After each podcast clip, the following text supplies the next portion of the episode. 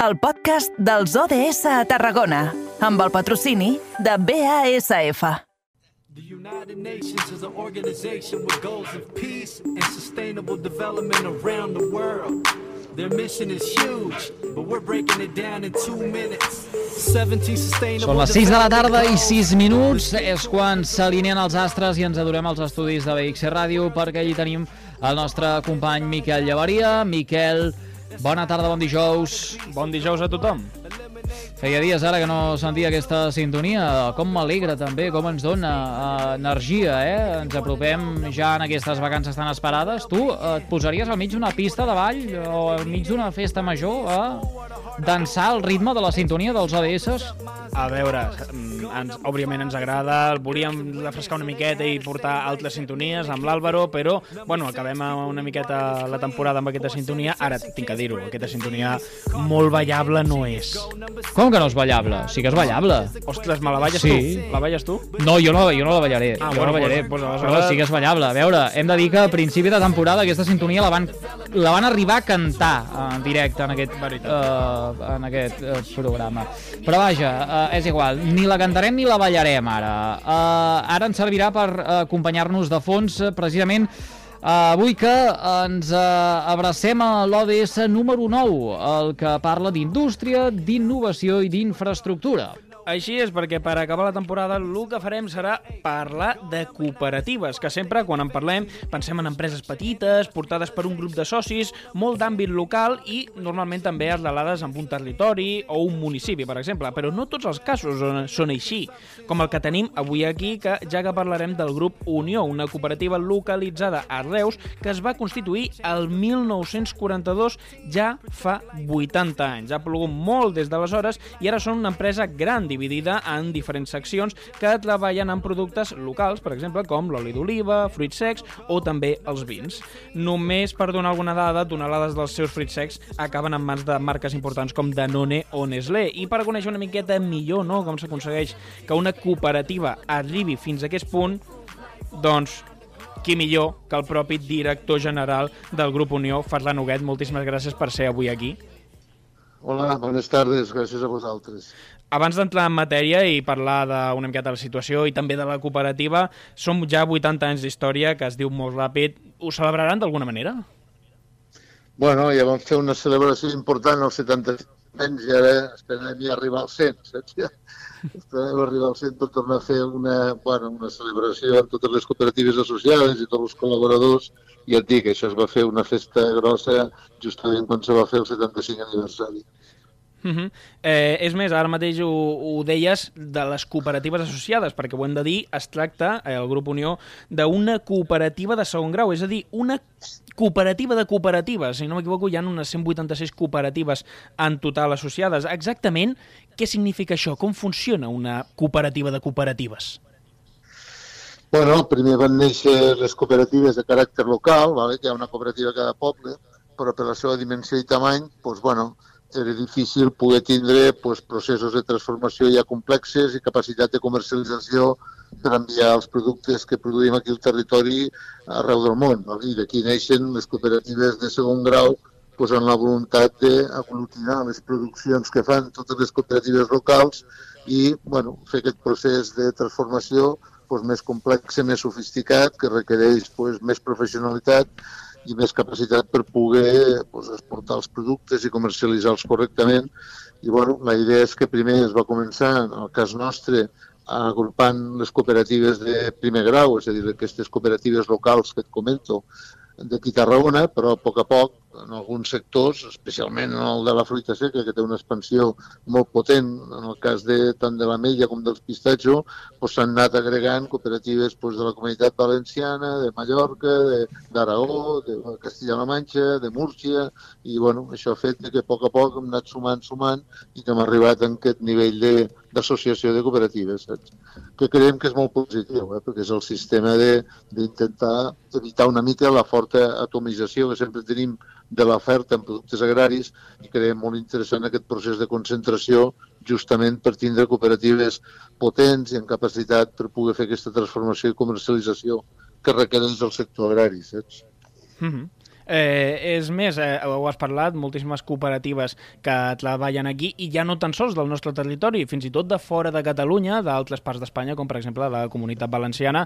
Suposo que aleshores el que podeu també és com treballar amb un gran ventall de productes locals de diferents zones. Això, doncs, suposo que us ofereix doncs, aquest gran ventall no?, del que parlem de, de nivell sí, de productes. Sí, sí, sí, sí, correcte. Un ventall i sobretot volumen, saps? Eh, no sé, per exemple, en el cas concret de la fruita seca, és un dels sectors que està en clara expansió en el nostre país, doncs, bueno, la fruita seca requereix eh, un, un fort procés de transformació que requereix fortes inversions, bàsicament va destinat a grans companyies, com dius tu, de caràcter multinacional, amb una gran capacitat de compra, amb un nivell d'exigència de qualitat i de controls de qualitat molt alts, i per tant això només es pot fer via de poder moure moltíssima quantitat de productes, saps? Perquè bueno, doni aquesta capacitat de tindre aquesta estructura tant a nivell de recursos humans com, com materials per poder bueno, subministrar els volúmens i en la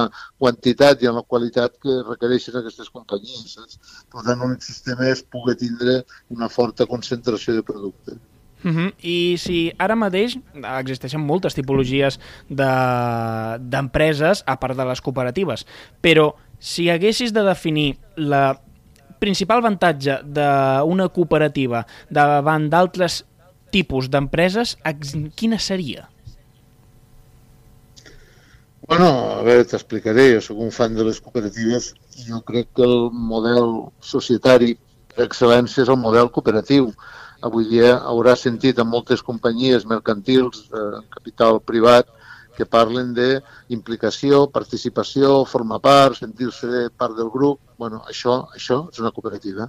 És a dir, entre diverses persones que s'ajunten per tirar endavant un projecte comú, estàs d'acord? Per tant, eh, el model societari per excel·lència per mi és pues això, que els propis implicats en el projecte pues, formin part del capital, formin part de la feina i formin part de tot el projecte. I, per tant, això que et comentava de la gent que se senti motivada, participada, que, està, que forma part d'aquest col·lectiu, que forma part del projecte, està definint, en definitiva, crec, una cooperativa. I, per tant, crec que és un model amb moltes perspectives de futur. Ja no només la cooperativa agrària, eh, sinó de treball associat, estic parlant en general de tota la, la gamma que hi ha de cooperatives, vale? però com a model eh, organitzatiu, empresarial, per mi és un model excel·lent. Uh -huh.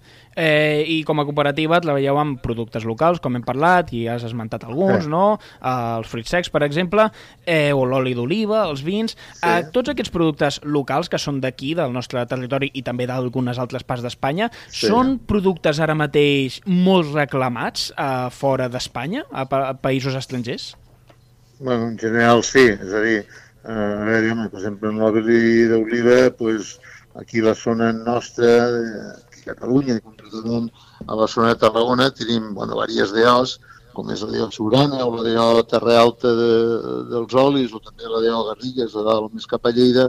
Nosaltres comercialitzem una part important d'aquests olis i són olis de la varietat, alguns arbequines, altres en peltre, són olis d'alta gamma i efectivament, sí, sí, l'haurem exportat un percentatge molt elevat perquè a poc a poc doncs, bueno, la gent es va rendint a la qualitat d'aquests olis i a poc a poc van entrant a consumir aquests olis verges d'alta gamma. Vale?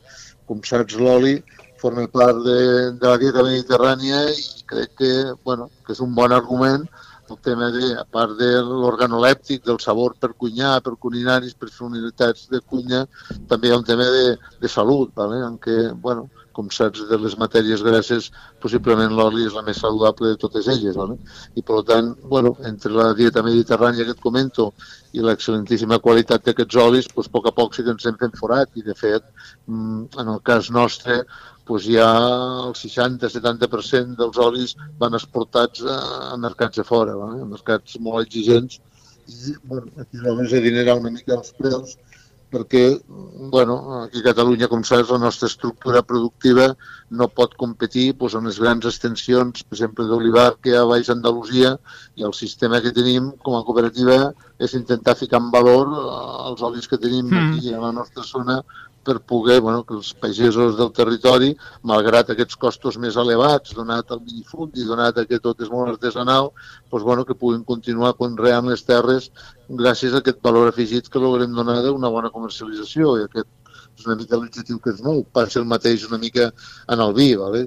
En el vi no podem competir en grans productors com són la zona de, de, de la Manxa o així, i el sistema és de que bueno, ens hem d'emparar per denominacions d'origen, i saps que en tenim algunes de molt prestigi, com és la denominació d'origen qualificada Priorat, o la denominació d'origen Montsant, o la denominació d'origen Terra Alta, i el que procurem és, bueno, emparat per aquestes denominacions i fer el màxim de qualitat en els vins, i bueno, també el que et comentava, vale? hem de posar en valor al màxim el vi perquè ja et dic, a nivell de volums de producció no podem competir pas amb altres zones del, del país on bueno, tenen molta més facilitat per produir grans quantitats i tot molt més mecanitzat i aquí ho hem de fer d'una forma una mica més artesanal i, i costa i els costos són més elevats. Saps?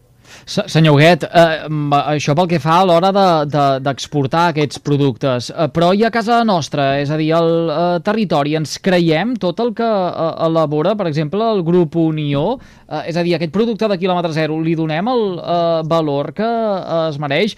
Li faig aquesta pregunta perquè després sentim a dir allò de, ui, no, que les avellanes que ens han servit eh, venien de Turquia, o no, que eh, els eh, vins, diem que fem uns grans vins, però després eh, anem a buscar sempre eh, per servir el dia que eh, tenim família o, o amics a casa, un Rioja, eh, que fa més de, Ja, ja. fa més de que, Sí, de que sí. hi entenem. Ens, ens creiem prou, eh, naltros, com a gent del Camp de Tarragona, aquests propis productes que s'elaboren a casa i que eh, mm, doncs, eh, recolecten, confeccionen els eh, pagesos de, del territori?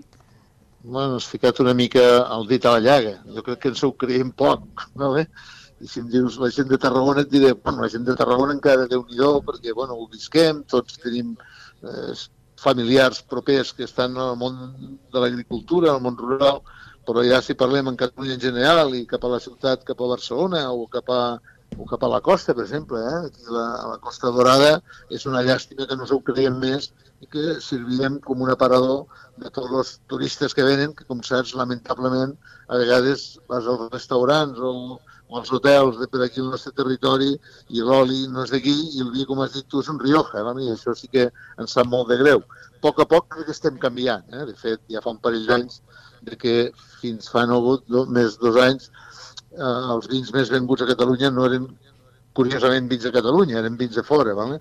Això ja ha canviat i ara sí que majoritàriament els vins que es consumeixen ja són vins del territori d'aquí a Catalunya, amb la qual ja hem fet un pas endavant i bueno, a poc a poc vull pensar que amb l'oli també ho aconseguirem, a base de fer fires, a base de fer promocions, a base de fer degustacions, a base de fer, bueno, fer moltes accions promocionals justament per intentar que la gent de casa nostra se ho cregui, no? Ja et dic, eh, ens costa una mica, així com hi ha, no sé, eh, la gent, per exemple, com vas pel món, es pensa que tots els olis són d'Itàlia, Itàlia, com saps, produeix molt menys que produïm a nivell Sí, sí. espanyol, i per què tothom diu que l'oli és italià? Bueno, perquè, com saps, viatges a Itàlia i tota la restauració està super implicada amb l'oli, et dona de gustar oli, provi oli, i aquest és més picant, i aquest és més dolç, i aquest, i això, bueno, va creant una cultura que és super interessant perquè al final els, els consumidors comencen a ser a tindre la cultura de l'oli, per tant exigir unes qualitats que és molt interessant. Aquí ens costa més, eh? aquí no, no som tan xuministes, eh? aquí hauríem de ser més eh, exigint els productes del nostre territori perquè,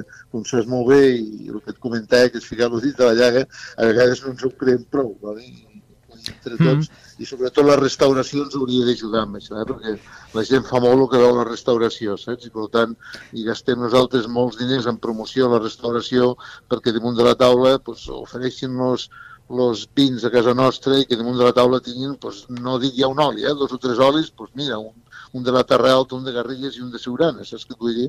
Quan la gent tria, perquè això aniria fomentant aquesta cultura imprescindible perquè la gent tingui capacitat de selecció i d'elegir i, i, per tant, que poguéssim inclús ficar més en valor els olis que produïm, saps? L'altra cosa és també, ara ho dèiem, eh, eh, quan eh, s'exporta un producte eh, que s'elabora aquí, eh, d'altres països, i després allí s'embotella com si eh, eh, fos realment eh, de- de- de- d'aquell Sí. lloc on acaba arribant. I això amb l'oli eh, succeeix. Però vaja, eh, no, no, no en parlarem més o no continuarem per aquest, eh, no, no continuarem per aquest camí.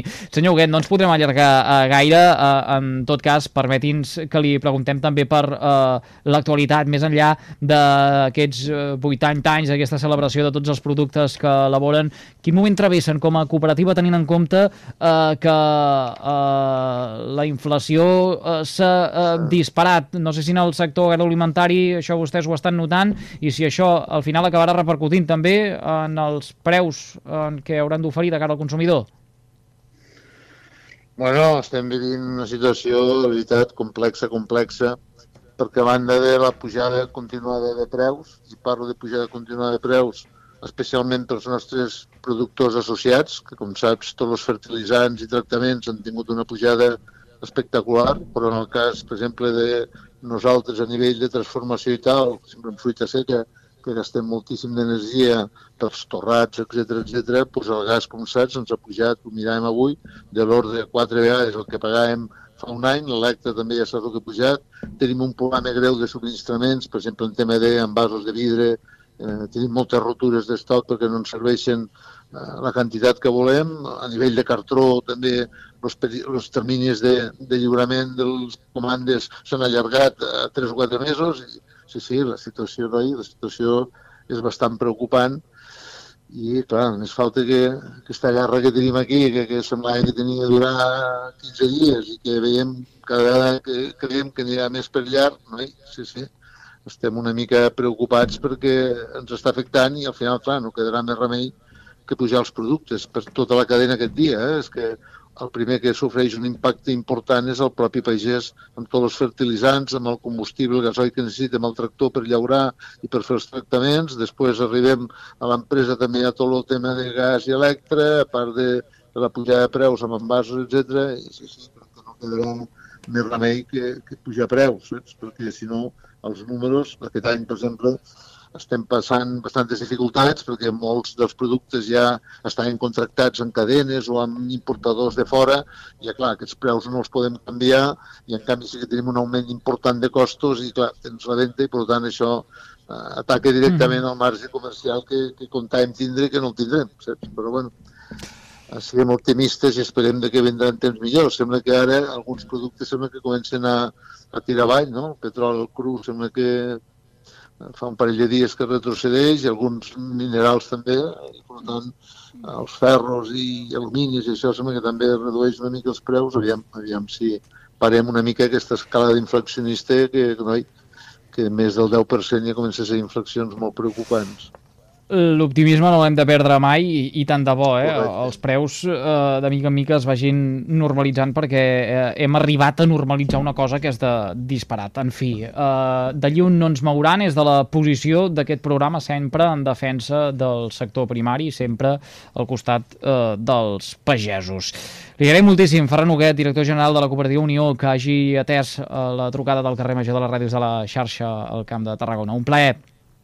Molt bé, igualment. Moltes gràcies a vosaltres. Gràcies.